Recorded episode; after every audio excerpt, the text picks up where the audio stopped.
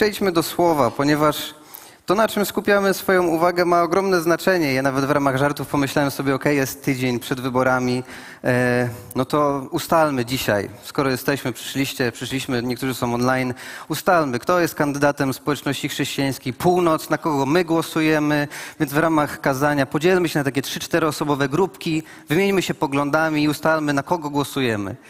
To byłby świetny pomysł, aby coś rozwalić jakby w ramach naszej wspólnoty, prawdopodobnie, bo to nie na tym opieramy naszą jedność i nie po to tu przychodzimy, aby, aby, że tak powiem, o tym dyskutować, o tym możemy w każdej innej przestrzeni.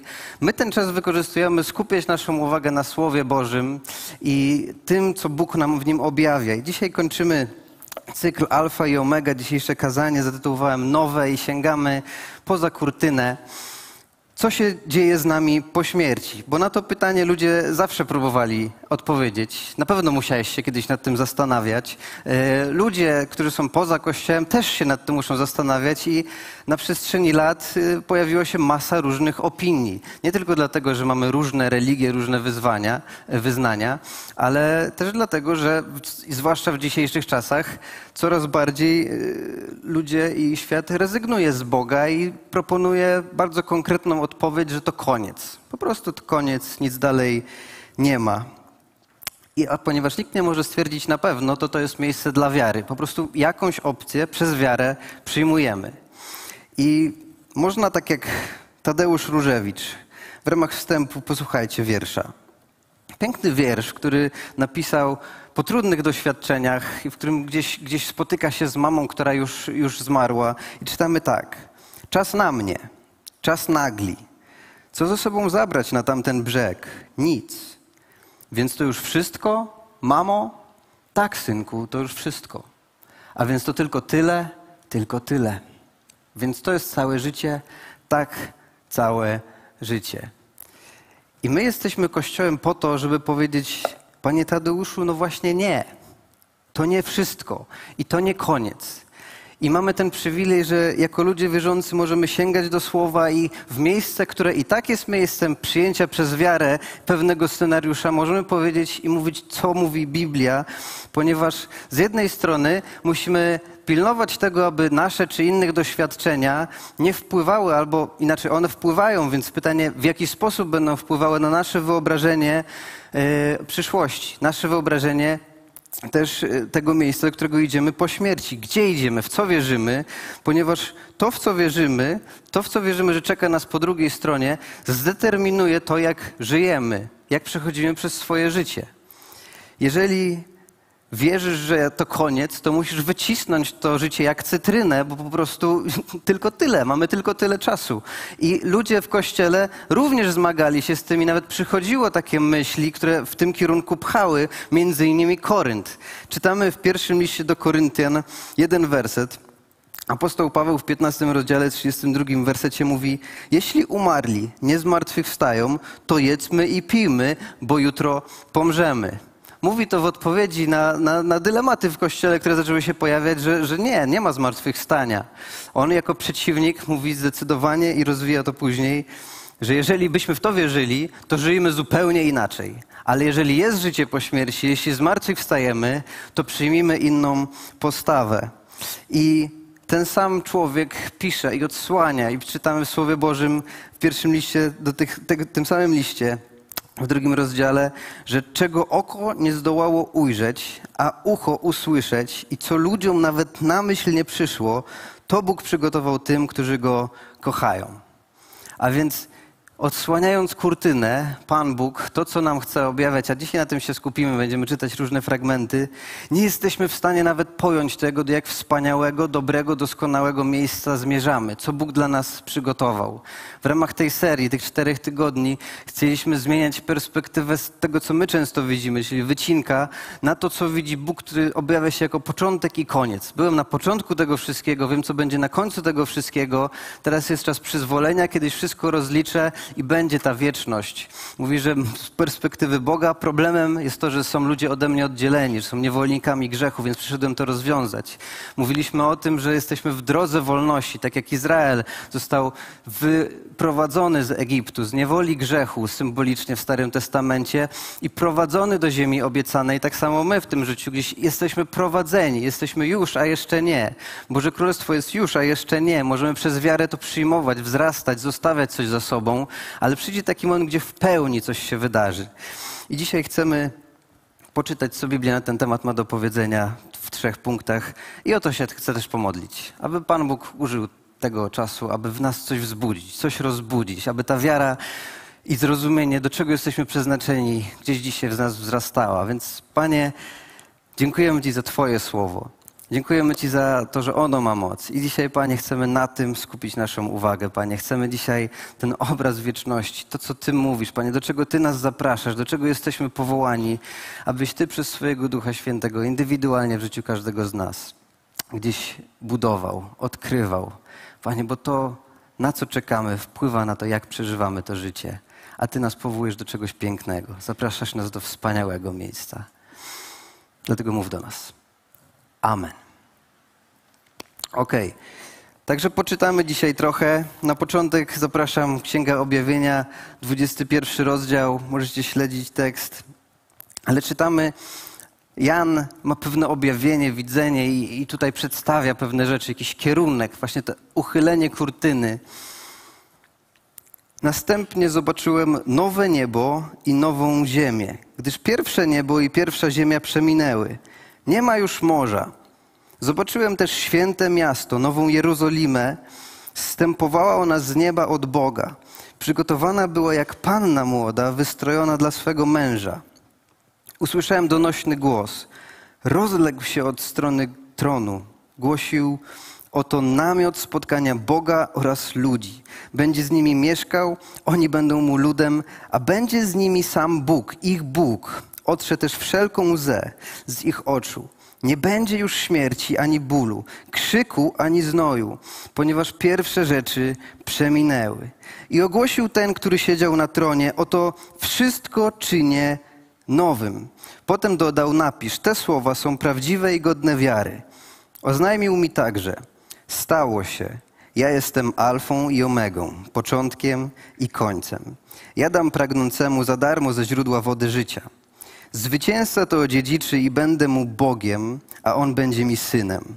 Natomiast co do tchórzów i niewiernych, nieczystych i zabójców, uprawiających nierząd i czary, bałwochwalców i wszystkich kłamców, ich dziełem będzie jezioro płonące ogniem i siarką, to znaczy druga śmierć.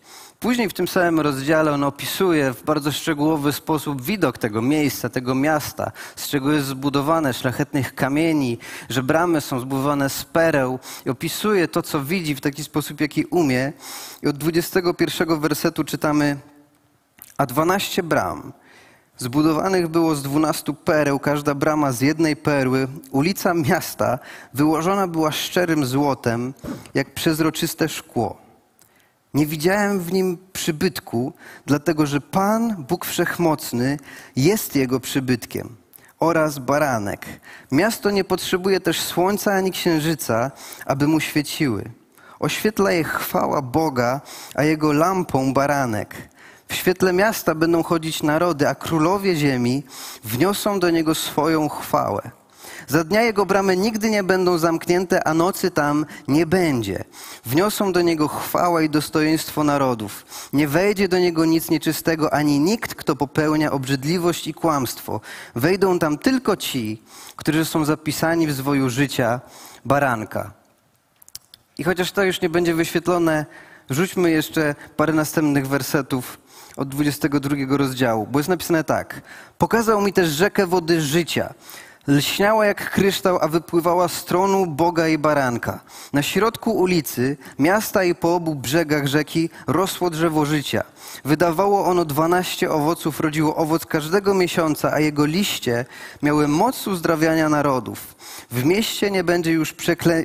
prze... nic przeklętego. Stanie w nim tron Boga i baranka. Jego słudzy podejmą swe zadania. Będą oglądać Jego oblicze. Na swoich czołach będą nosić Jego imię. Nie zapadnie już noc. Światło lamp oraz słońca przestanie być potrzebne. Zajaśnieje nad nimi Pan, Bóg, a ich panowaniu nie będzie końca na wieki. Oto Słowo Boże. To jest Słowo Boże i ja chcę dzisiaj bardziej puścić te fragmenty, żeby one coś w nas robiły, bo one same w sobie coś prezentują. Opisuje, ja tak jak, tak jak zostaje mu to przedstawione, ja nie wszystko muszę rozumieć, nie wszystko muszę być w stanie uchwycić, bo to nie da się tego uchwycić, jak apostoł Paweł w innym wersecie mówi, ale jest pewne miejsce, daje nam jakiś kierunek co do tego, co nas czeka. I ja dla siebie samego w siedmiu punktach z, te, z tego fragmentu widzę to. Po pierwsze, że to, co znamy, przeminie i nastanie nowe.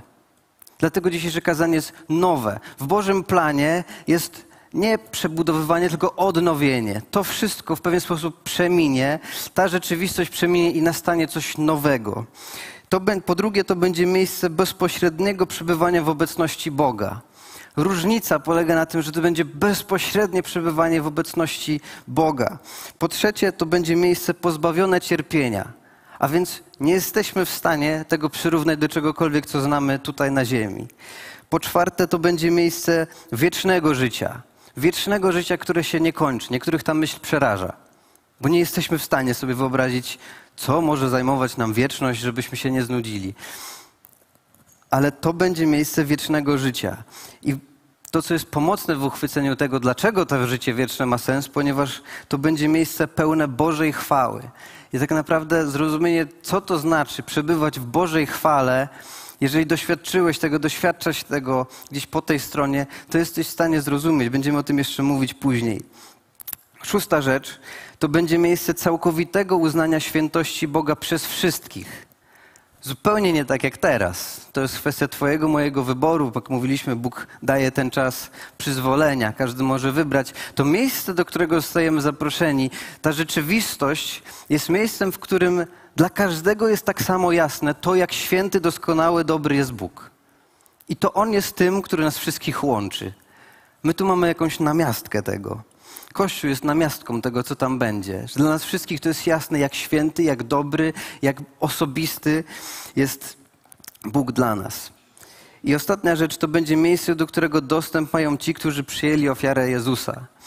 To jest miejsce, ten fragment o tym mówi, że niektórzy tam są, niektórzy tam nie będą. Dlatego, że on musi oddzielić to, co dobre, od tego, co złe.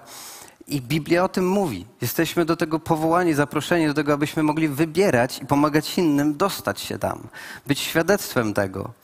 I ostatnia, ósma rzecz, która wynika z tego, co jest tutaj napisane. Nie wiem, czy kiedyś o tym się myśleliście, ale jest napisane w trzecim wersecie 22 rozdziału. Tam, gdzie w mieście nie będzie już nic przeklętego, stanie w nim tron Boga i baranka, jego słudzy podejmą swe zadania. Kiedyś dyskutowaliśmy o tym ze znajomymi, wierzącymi, jak to będzie w tym niebie, wieczne śpiewanie, czy, czy nie wiadomo co. I gdzieś ten fragment kieruje nas na to, że tak jak Pan Bóg powołał nas tutaj, dał Adamowi zadania, tak samo gdzieś w niebie każdy z nas będzie miał jakieś zadanie. Czymkolwiek to będzie, ale gdzieś w nas, w naszej istocie, poza przebywaniu z Bogiem, jest ten element w Bożym Królestwie, tym, tym docelowym, że jakieś zadania są, że coś w nas, ta twórczość, ta kreatywność, to, to, to działanie gdzieś tam jest uwzględnione. Nie jestem w stanie sobie tego do końca wyobrazić, ale wieczność spędzę na robieniu czegoś, co jest wspaniałe. A więc pierwszy punkt, nowe niebo, nowa ziemia. Bóg przygotowuje dla nas coś, co jest zupełnie niepodobne do tego, co my znamy. Nie jesteśmy w stanie tego do końca uchwycić, ale zamierza odnowić całą rzeczywistość, stworzyć, zbudować ją z czegoś zupełnie innego. Bóg w, w swoim mieście używa złota jako asfaltu, a szlachetnych kamieni jako dekoracji. To, co się zabijamy tutaj po tej stronie, to, co jest tak cenne i tak ważne, Bóg używa tego jako budulec. Wartość rzeczy będzie zupełnie inna, ponieważ najwyższą wartością będzie przebywanie z Nim. A więc forma tego świata ulegnie przemianie. I druga rzecz dotyczy nas, naszej formy, że nasza forma ulegnie przemianie. I tutaj krótka historia. Na, na chwilę odejdźmy od teologii.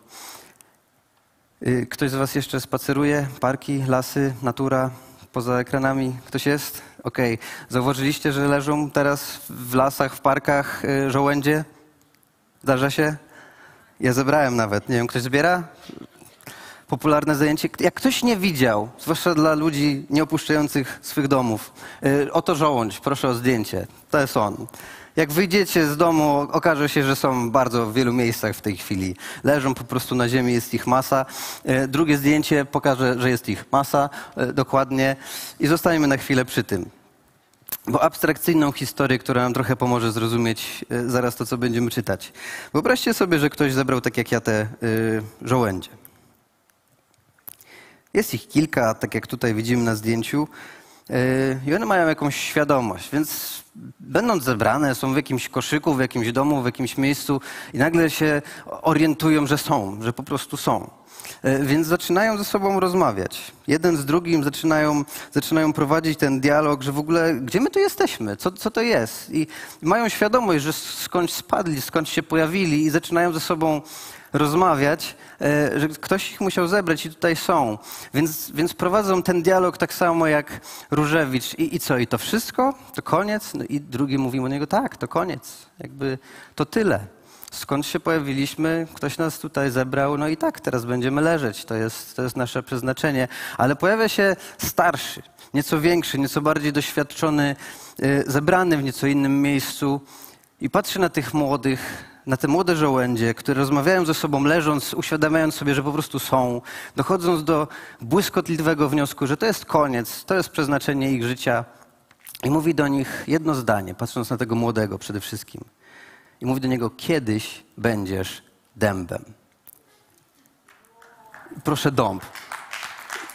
I, i ten, ten starszy żołądź z jakiegoś powodu, on był w innym miejscu, on słyszał inne rzeczy, on, on ro- rozciągnął swoją świadomość poza coś więcej niż ci, którzy znali i wie, że przeznaczeniem, że tak naprawdę istotą bycia każdego z tych żołędzi nie jest to, aby skończyć w tym koszyku, ale to, dlaczego one są, to, dlaczego one istnieją, to, co w nich zostało złożone, ma swoje przeznaczenie i to nie jest kwestia wiary, ale czasu, kiedy w odpowiednim miejscu, kiedy zostaną umieszczone, przemienią się i będą miały zupełnie inną formę, więc opowiadaj im o tym, co to znaczy być dębem. One, nie są one same zdębiały, nie są w stanie zrozumieć po prostu, jak z czegoś takiego miałbym być czymś wielometrowym, kolorowym, mającym liście, sprawiającym, że inni mogą w ogóle oddychać, że mam jakiś swój cel w tym wszystkim.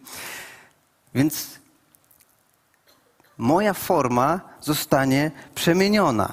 A więc z żołędzi, które zostają na etapie to wszystko, dostają informację nie, kiedyś będziesz dębem. Ostatni slajd właśnie to pokazuje, jak z czegoś takiego ma powstać coś takiego, jak, jak przecież to jest nie, nie do zaakceptowania.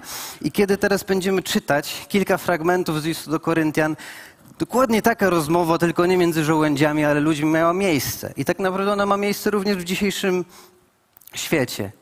Orientujemy się, że jesteśmy, to nie jest zbyt skomplikowane, ale dochodzimy do wniosku, że to już wszystko, że to koniec.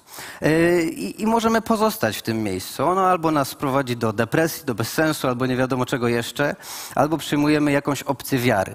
I biblijna opcja wiary jest taka, że tak jak ten starszy żołądź, tak samo apostoł Paweł mówi do tych ludzi w Koryncie coś, co ma zupełną przeciwwagę, a ma im uświadomić właśnie to, że nie jesteśmy powołani do zostania w tej formie. Więc poczytajmy kilka fragmentów 15 rozdziału. Czytamy y, 35 werset i 36. Ale może ktoś zapytać, jak zmartwychwstają umarli? W jakim zjawią się ciele? Niemądry. Zauważ, że to, co ty sam siejesz, nie powstaje do życia, zanim najpierw nie umrze. On opisuje właśnie te procesy naturalne. Ziarno do ziemi obumiera, z niego wychodzi coś innego. Jezus w kontekście Ewangelii mówił to samo. Jeśli ziarno nie obumrze, i mówi dalej w 43 wersecie. Sieje się w pogardzie, wzbudzone jest w chwale, sieje się w słabości, wzbudzone jest w mocy. Sieje się ciało materialne, wzbudzone jest ciało duchowe. Bo jeśli ciało materialne jest również duchowe, jak też napisano, pierwszy człowiek, i to uchwyćcie, pierwszy człowiek, Adam, powstał, by być żywą duszą. Pierwszy człowiek, Adam, powstał, by być żywą duszą. Ostatni Adam, mówi o Jezusie, powstał, by być ożywiającym duchem. Przy czym nie duchowe jest pierwsze, lecz materialne, potem natomiast duchowe. Apostoł Paweł próbuje wytłumaczyć tym ludziom, że po pierwsze, zmartwychwstanie jest rzeczywistością, bo jeżeli Jezus, i on mówi o tym, jeżeli Jezus nie zmartwychwstał, to jesteśmy najbardziej pożałowania godnymi ludźmi. I wtedy wprowadza ten temat. Jeśli, jeżeli nie zmartwychwstaniemy, to jedzmy, pijmy, bo szkoda po prostu życia. Carpe diem, wyciśnijmy to jak cytrynę. Ale jeżeli Jezus zmartwychwstał, jeżeli to jest fakt, jeżeli ja w to naprawdę wierzę, to zmieniam całkowicie swoją orbitę i zmieniam perspektywę na swój czas i swoje miejsce, ponieważ ja zmierzam do pewnego miejsca. Kiedyś będę dębem. Jestem tutaj na określony czas, ale coś się tutaj we mnie przemieni. I to, co dzisiaj znamy, obumrze. A pierwszy Adam był, miał, powstał, by być żywą duszą. C.S. Lewis e, w jednym, w jednym fragmencie książki daje taki cytat, mówiąc o człowieku, że człowiek jest duszą, która ma ciało. My myślimy często odwrotnie, z perspektywy, że jesteśmy człowiekiem, który ma, jesteśmy ciałem, które ma duszę ale w Bożej chronologii faktycznie jest dusza, która ma ciało, został przyobleczony w to, ale Jezus, który nas ożywia, sprawia, że to, co jest nieśmiertelne, jest przeznaczone do wieczności, ma być w niej zachowane. Nasze ciało, to w jakiej formie przybywamy, będzie przemienione. Kilka innych fragmentów, które możecie posłuchać, nie będą wyświetlone. Ten sam list do Koryntian. 51 werset i 52. Oto oznajmiam wam tajemnicę. Nie wszyscy zaśniemy, ale wszyscy zostaniemy przemienieni. W jednej chwili, w oka mgnieniu, na dźwięk trąby ostatecznej, trąba zabrzmi i umarli powstaną jako niezniszczalni, a my zostaniemy przemienieni. Następny fragment, pierwszy list Jana, trzeci rozdział, drugi werset. Drodzy, teraz jesteśmy dziećmi Boga, a kim będziemy, to się jeszcze okaże. Choć już wiemy, że gdy się okaże, będziemy podobni do Niego, gdyż zobaczymy Go takim, jaki jest. I ostatni fragment, Filipian, trzeci rozdział, wersety 20-21.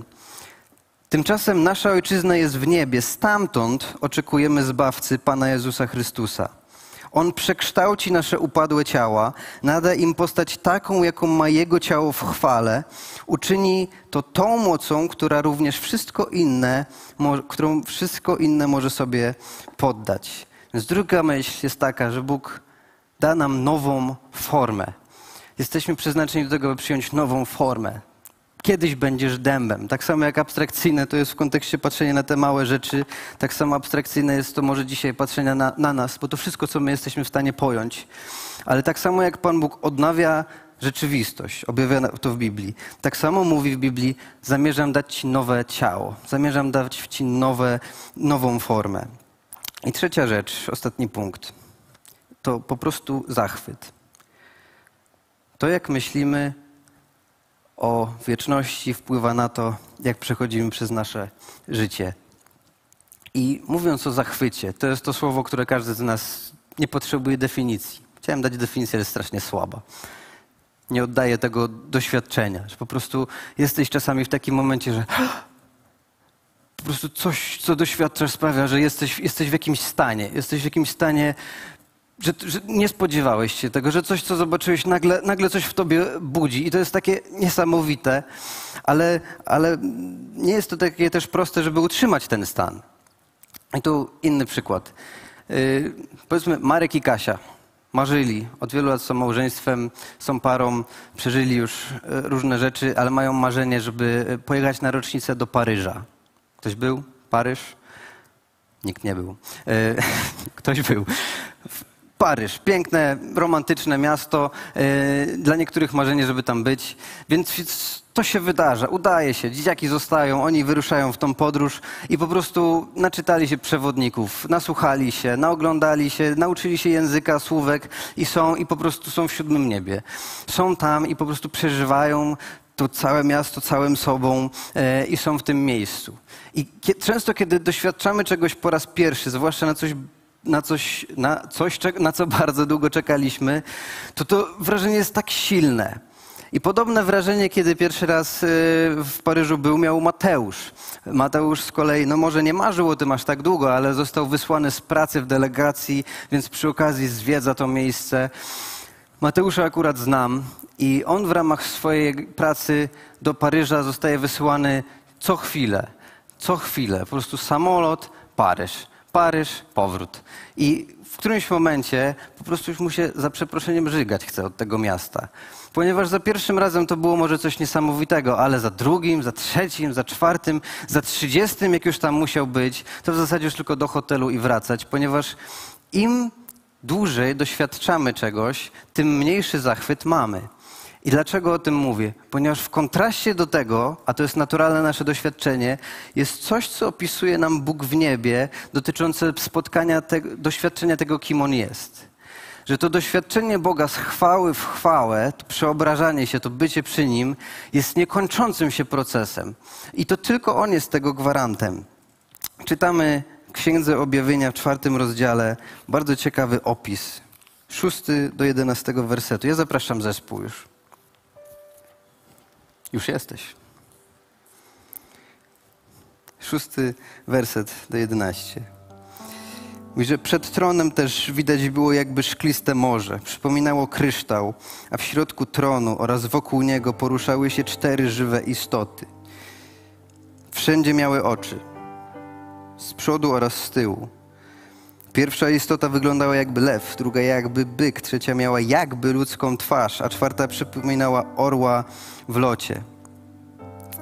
Ten fragment te jakby, on próbuje, on coś widzi próbuje to opisać, ale nie jest w stanie tak naprawdę nam opisać tego, czego doświadcza. To, co jest przed nim odsłonięte. Każda z tych czterech istot miała po sześć skrzydeł wokół oraz wewnątrz pełno oczu i, i bez przerwy dniami i nocami powtarzała Święty, święty, święty jest Pan, Bóg Wszechmocny, który był, który jest i który nadchodzi. A ilekroć istoty oddawały chwałę, cześć i dziękczynienie temu, który siedział na tronie i który żyje na wieki wieków.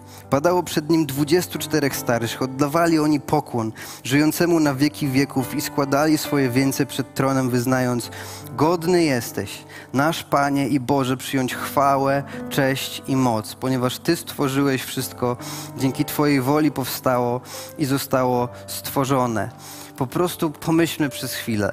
On opisuje jakieś niebiańskie istoty, które prawdopodobnie przewyższają nas tym, tym swoim, swoim poznaniem. Y, może są inteligentniejsze, nie wiem, ale opisuje jakąś sytuację, że, że w niebie jest ten tron Boży, jest to miejsce przebywania Najświętszego i tam jest jakaś masa osób, masa istot, tam wokół tego, tam jest jakieś niesamowite rzeczy się dzieją, których on nie jest w stanie w ogóle zrozumieć. Coś wystrzeliwuje, coś wypływa, jest tam masa ludzi i, i są te istoty, ale opisuje po prostu stworzenie, które jest blisko obecności, tego bezpośredniego spotkania z Nim. I opisuje ich stan. I ten stan to jest niekończący się zachwyt, że ci, którzy ma, mają wszędzie oczy, nic im nie umknie, nic nie umknie ich uwadze, oni po prostu przebywając w obecności świętego Boga, nie są w stanie zrobić nic innego, jak po prostu wydobywać z siebie te słowa święty, święty, święty, święty, święty, święty. Po prostu nie są w stanie zatrzymać zachwytu, który jest. I to nie jest pierwszy raz, to nie jest drugi raz, to jest niekończący się wypływające z tego, kim on jest, doświadczenie. Doświadczenie, które, którego nie da się przyrównać do czegokolwiek innego. Jeżeli myślisz sobie o wieczności, jeżeli myślisz sobie o tym, co nas tam czeka, co jest istotą tego, co nas tam czeka, bez względu po jakich ulicach będziemy chodzić, bez względu na to, jak to będzie wyglądało, a to będzie inne, bez względu na to, jak my będziemy wyglądali, a będziemy inni, istotą nieba jest przebywanie w bezpośredniej obecności z Bogiem. A kiedy nie ma żadnych przeszkód, żadnych barier między tym, kim On jest, a tym, kim my jesteśmy, to po prostu stan, w którym zostajesz, to niekończący się zachwyt i uwielbienie nad tym, kim On jest i nad tym, jak to jest być w Jego obecności. I oczywiście, że puentą tego wszystkiego nie jest to, żeby tylko zostawić obrazek, gdzie zmierzamy. Tylko Jezus mówi, że dobra nowina jest taka, że Boże Królestwo jest już tutaj między nami. I możesz tego doświadczać. Możesz zbliżać się do Jego tronu. Możesz doświadczać tej chwały, że On usunął grzech, usunął barierę. I może w pełni to kiedyś nie jesteśmy w stanie pojąć, jak to będzie, ale możemy to już doświadczać po tej stronie wieczności. Także kochani, wstańmy. Będziemy się modlić.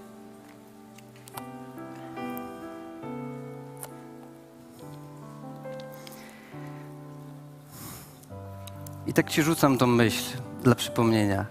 To, jak myślisz o wieczności, wpływa na to, jak idziesz przez swoje życie. Apostoł Paweł o tym mówi. Różewicz o tym mówi. I my w kościele mówimy: To nie koniec. Zmierzamy do pięknego miejsca. Tam będzie naprawdę pięknie. Jeżeli cokolwiek jestem w stanie z tego wyczytać, nie chcę się z tym rozminąć, chcę tam być. Nie chcesz ominąć tej imprezy. Nie chcesz ominąć tego doświadczenia. To będzie też spotkanie z innymi ludźmi. To będzie spotkanie z tymi, których znasz tutaj. Jedna z rzeczy, którą, być może jedyna, którą do nieba zabierzemy, to relacje. Relacje z innymi, którzy go poznali. A jednocześnie jest ważne, żebyśmy o tym mówili, bo to jest jakaś przeciwwaga i czasami takie kłamstwo jest zasiewane w nas albo nam osiada, a być może jesteś powołany, żeby przeciwdziałać w życiu kogoś, kto jest w Twoim otoczeniu, bo kilka razy miałem sytuację, e, miałem okazję słuchać rozmowy ludzi, która sprowadzała się do tego, że e, w piekle to będzie impreza, tam to będzie fajnie, w niebie to będzie jakaś nuda. Bo utożsamiamy często nasze, ludzie doświadczają jakieś swoje negatywne doświadczenie z Kościołem czy z czymś, przenoszą to na propozycję nieba i, i to, jest, to jest nieadekwatne do tego, do czego Pan Bóg nas zaprasza. I chciałbym Ciebie zaprosić do tego, żebyś rozciągnął, może poczytał, może wszedł w to, ale jesteśmy powołani do pięknego miejsca. Wieczność naprawdę całkiem dobrze Pan Bóg wymyślił i odsłania przed nami tą kurtynkę, bo mówi: Tam zmierzasz. Do tego Ciebie zapraszam. I apostoł Paweł tak żył, apostołowie tak żyli, i my jesteśmy powołani, żeby też z tą informacją, z tym przekonaniem przemieniać swój umysł. W kim i w czym tak naprawdę pokładamy w nadzieję